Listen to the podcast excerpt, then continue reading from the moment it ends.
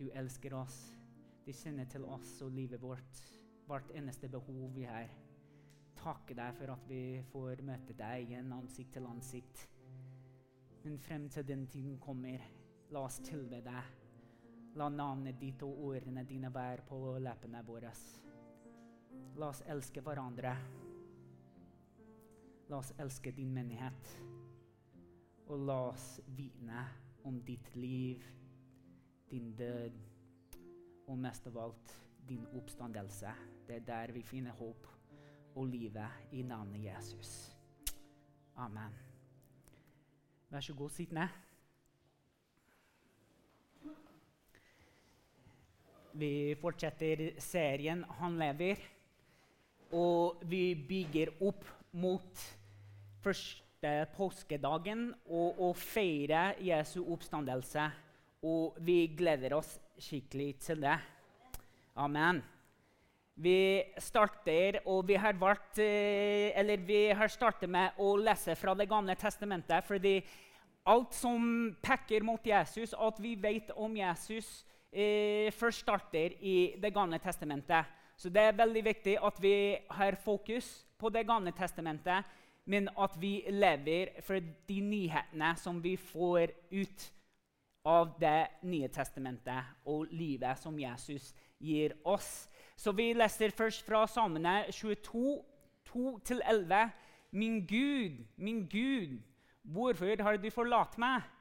Hvorfor er du så langt borte når jeg trenger hjelp og skriker ut min nød? Min Gud, jeg råper om dagen, men du svarer ikke.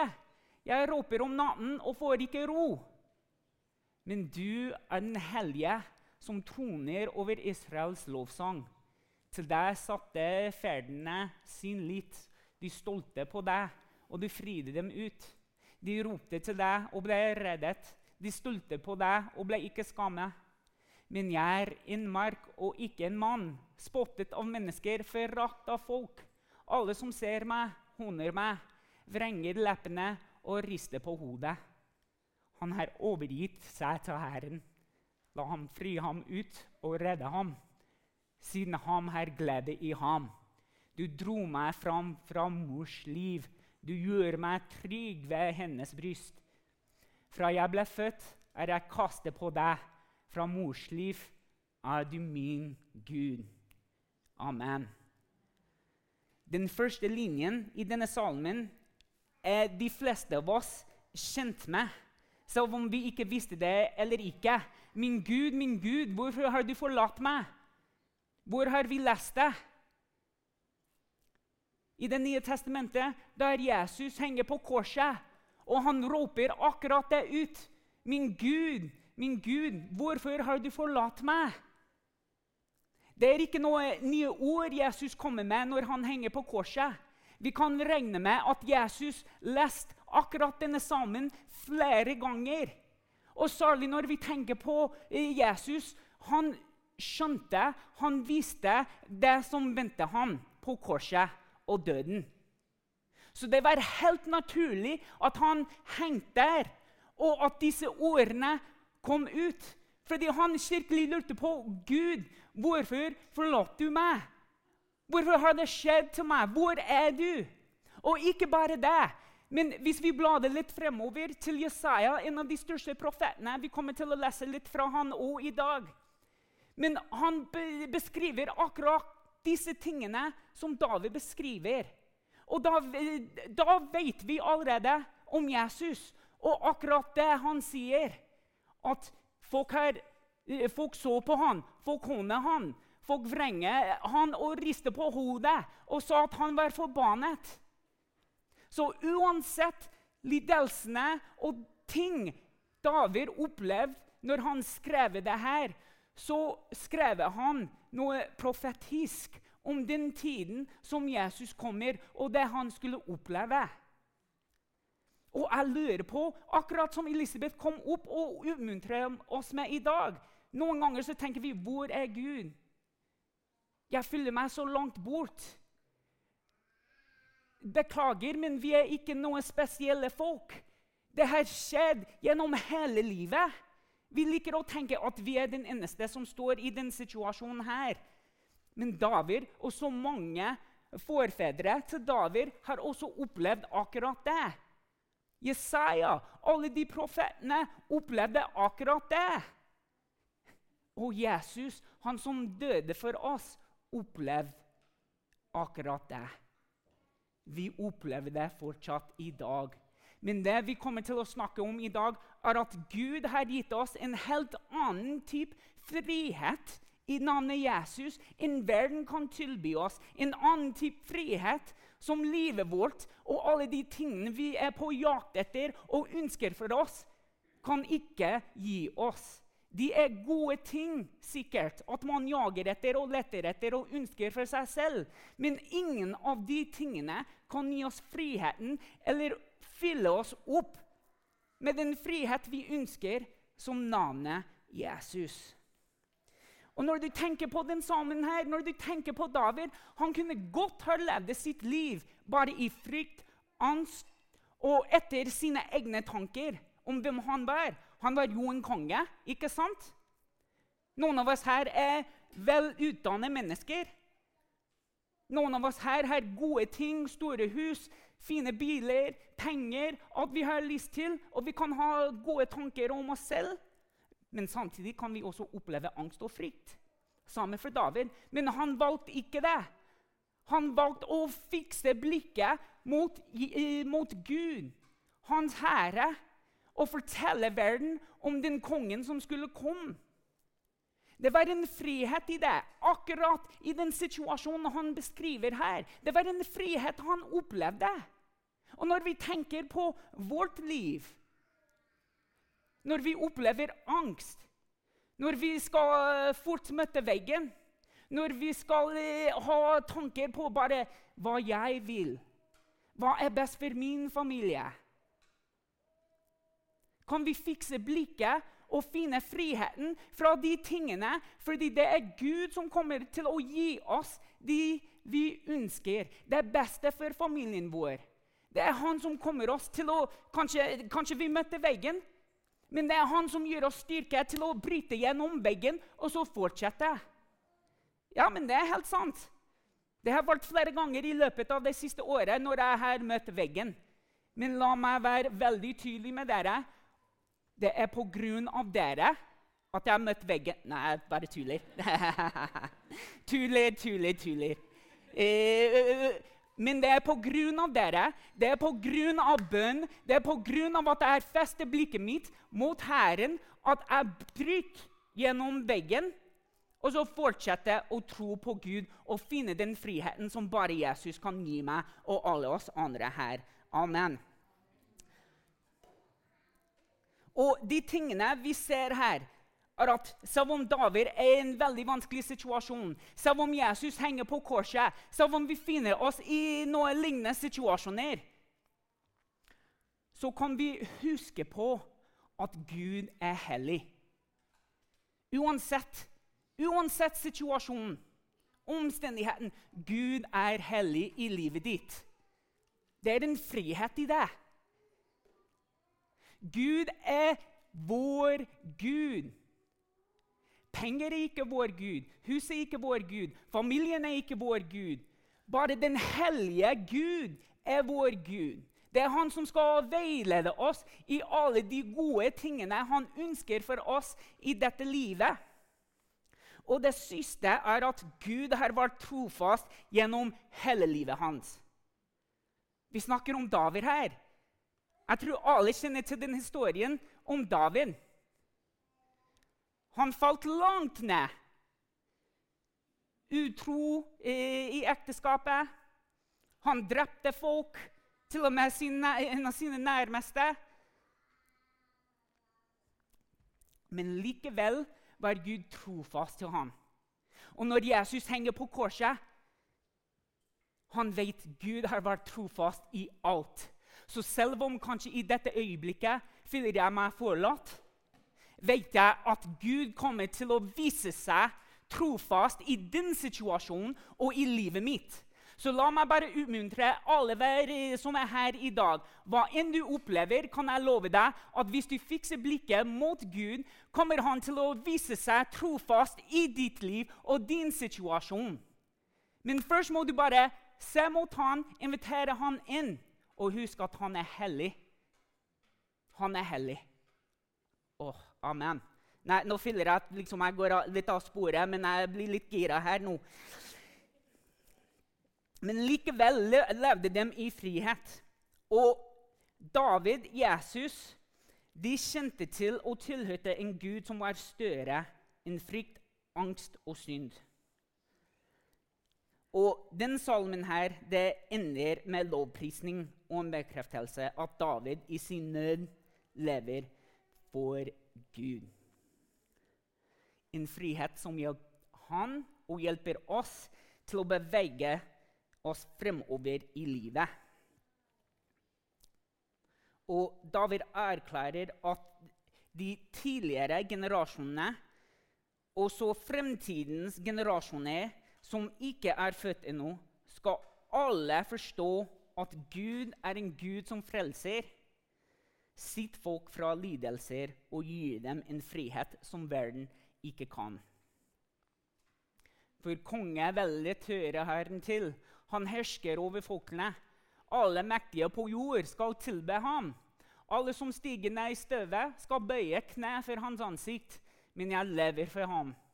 Min eit skal tjene ham. De skal fortelle om Herren til kommende slekter og kunngjøre for et folk som skal fødes, at han har vist rettferdighet. Amen. Nå kan vi bla oss litt fremover til Jesaja, som er en av de største profetene som sagt vi kanskje kjenner best til som kristne. Og når vi snakker om frihet Jesaja var midt iblant den kampen for israelittene. Han ærværer dem at hvis dere fortsetter å tilbe avguder kommer dere til å forsvinne fra Guds nærvær. Han ønsker å ga livet sitt til å fortelle israelittene om hvor mye Gud elsker dem, og hvor mye han ønsker dem å komme tilbake. Og han i løpet av dem, i løpet av eh, eh, de versene her begynner å fortelle israelittene om Jesus. Og akkurat i den tiden der, når han skriver det, så vil han først og fremst få israelittene igjen til å fikse blikket på Gud og tenke på hvem Gud er. Fordi han er hellig, han er deres Gud, og han har vært trofast hele tiden. Han tok dem ut av Egypt. Og hva skjedde da? Da begynte de å klage.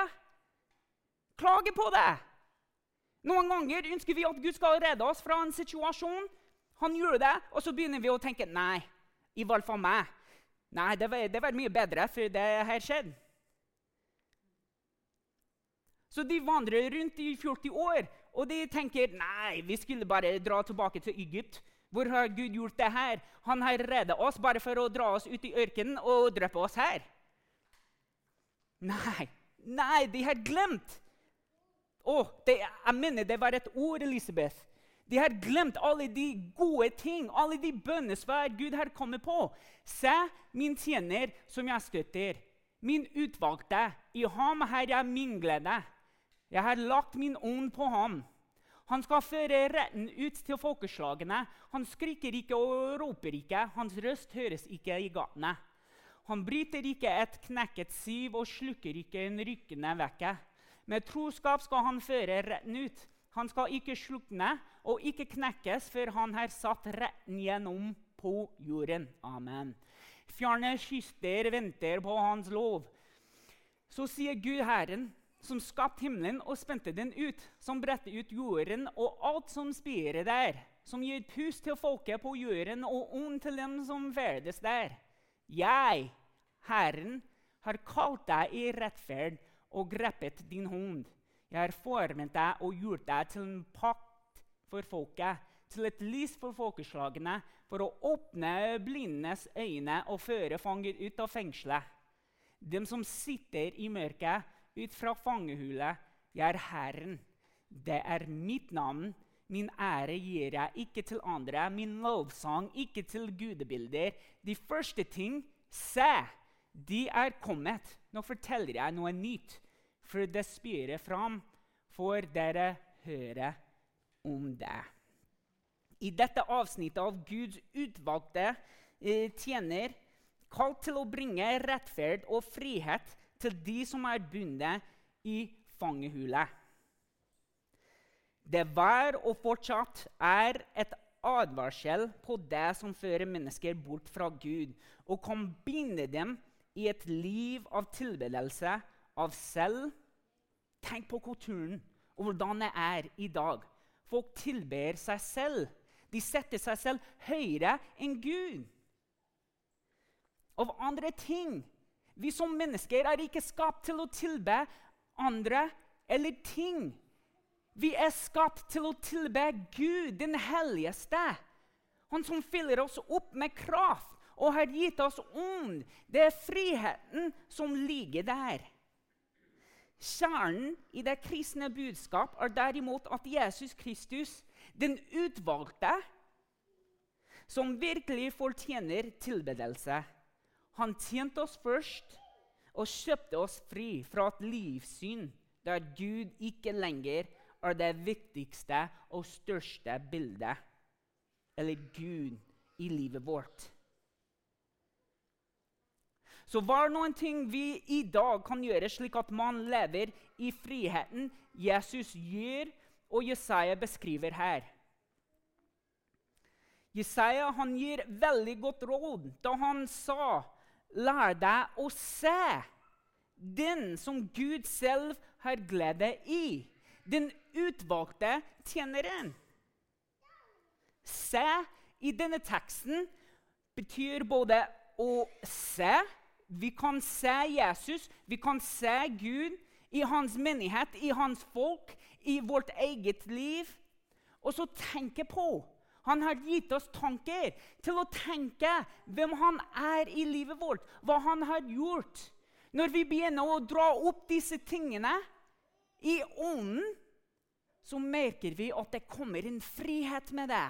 Det løser oss fri fra de tingene som prøver å fange oss. Jesus kjøpte oss fri den dagen han hengte på korset. Blikket hans festet på Gud. Han kunne ha sett på alle de mennesker som så på ham, og tenkte ja, de er her for meg. Og de var jo det for å støtte ham, kanskje for å tilbe ham, kanskje for å vite hva skulle skje om han skulle komme seg ned fra korset. Men han snakker ikke akkurat til dem, først og fremst.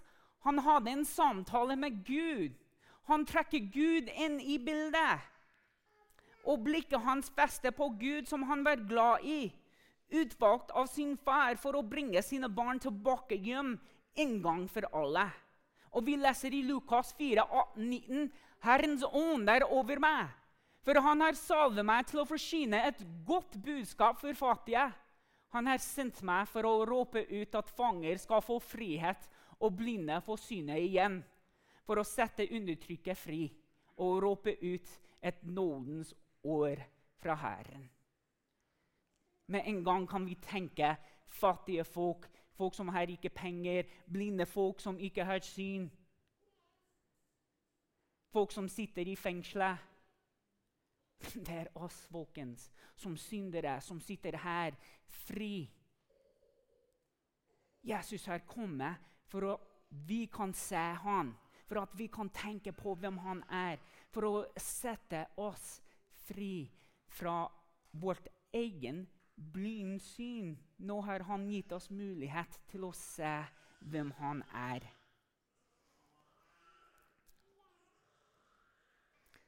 Vi leser fra Titus 2, 11, 15. For Guds nåde er blitt åpenbart til frelse for alle mennesker. Den oppdrar oss til å si nei til et ugudelig liv og verdslige lyster og leve forstandig, rettskaffent og gudfryktig i den verden som nå er, mens vi venter på vårt salige håp. at vår store Gud og frelser Kristus Jesus skal komme i herlighet. For Kristus ga seg selv for oss for å løse oss ut fra all urett og rense oss, så vi kan være hans eget folk, som med iver gjør gode gjerninger. Dette skal du forsyne, og med myndighet skal du formane og vise til rette. La ingen se ned på deg. Alt vi leser her, mener jeg handler om frihet, egentlig. Det er frihet i den åpenbaring vi har fått, at Gud har frelst alle mennesker en gang for alle. Når Jesus kom, døde, sto opp, det var for alle. Og at vi skal ikke leve det ugudelige, verdslige livet, men vi skal skjønne Jesus. Det er frihet i det. Vi vet at Gud er en god Gud fordi han så sitt folk og resten av verden, og i stedet for å straffe oss, valgte han å banne en vei for å få mennesket tilbake i en relasjon med ham. Hvordan? Vi leser fra Det gamle testamentet til det nye om en frelser som skulle komme til verden for å forsone hele verden tilbake til Gud. Og jeg synes Når vi snakker om å oppleve Jesu frihet, beskrives det på en herlig måte i det her. Jesus som tjener er ikke bare veien til Guds frelse, men han er selv frelsen. Det er ikke bare en vei. Han er frelsen i livet vårt. Jo, han er eneste veien til Gud. Men når vi tar imot han, så tar vi imot hans frelse. Det er ikke bare snakk eller idé eller teologi. Det er akkurat det som skjer. Vi opplever frihet fra det øyeblikket vi inviterer han i livet. Vi skal aldri være den samme personen vi var før vi møtte Jesus, når vi lever i et forhold med ham. Fordi han setter oss fri fra alle de tingene eh, vi leser her i Titus 2, 11-15. Gjennom sin død og sitt liv for alle mennesker har vi fått tilbudet til å leve i den friheten. Vi har friheten i det navnet, og vi bør aldri la ingen se ned på oss pga. det. La ingen se ned på deg. Det er et kall til den friheten du har i Jesu navn. Jesus ble slått, hånet, spyttet på. Han led, og ikke pga. hans egen syn, men pga. våre synder. Tenk på det. Vi snakker om en helt fullkomne, hellig Gud, Jesus, perfekt, ble drept for ingen grunn. Eller det var en grunn. Årsaken var at vi er syndere. Gud vil bane den veien til frelse gjennom Jesus for oss. Hans liv var preget av eh, perfekt lydighet. Selv i døden på korset. Det er ingen skam. Ingen skam å tro på det. La samme synelag være i dere som også var i Kristus Jesus, står det i Filipperne 2.5-9. Han var i Guds skikkelse og så det ikke som et rov å være Gud lik, men ga avkall på sitt eget, tok på seg tjenerskikkelse og ble mennesker lik. Da han sto frem som menneske, fornedret han seg selv og ble lydig til døden. Ja, døden på korset. Derfor har også Gud opphøyd ham til det høyeste og gitt ham navnet over alle navn. Gjennom alt dette ble Jesus den syndfrie tjeneren som i sin glede holdt ut inntil døden. Den gleden som vendte ham. Vi leste det i Hebreerne 12,2 for noen uker siden den gleden som ventet ham. Gleden som motiverte Jesus, var ikke Eller gleden som motiverte Jesus, var det at hans lidelse skulle bli folkets frihet. Den samme friheten Jesus opplevde, er også friheten vi kan ha i dag når vi kommer til Jesus, når vi tilber ham, når vi lar ham møte oss i livet vårt der vi er i dag.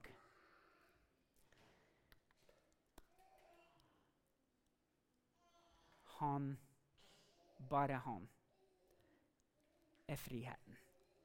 Det navnet Jesus kan gi deg den friheten du lengter etter. Selv om du er frelst, selv om du kjenner Jesus, så møter alle situasjoner, øyeblikker i livet der vi ønsker frihet. Jeg sier til dere i dag at det er mulig når du overgir deg til Jesus i den tiden du lever i, og situasjonen du lever i nå. La oss be. Ja. Gud, vi vil takke deg at i Jesu navn har vi blitt kjøpt fri. Hjelp oss i ånden til å leve i den friheten som er Jesus. Et liv som ikke er av skam, men heller et liv som er fullt av kraft, håp og forventninger om hva du ønsker å gjøre nå. Jeg ber at de gode nyhetene om Jesus, om korset, om oppstandelsen, gir oss styrke mens vi leter etter gleden midt i vår smerte og lidelse. I Jesu Kristi navn. Amen.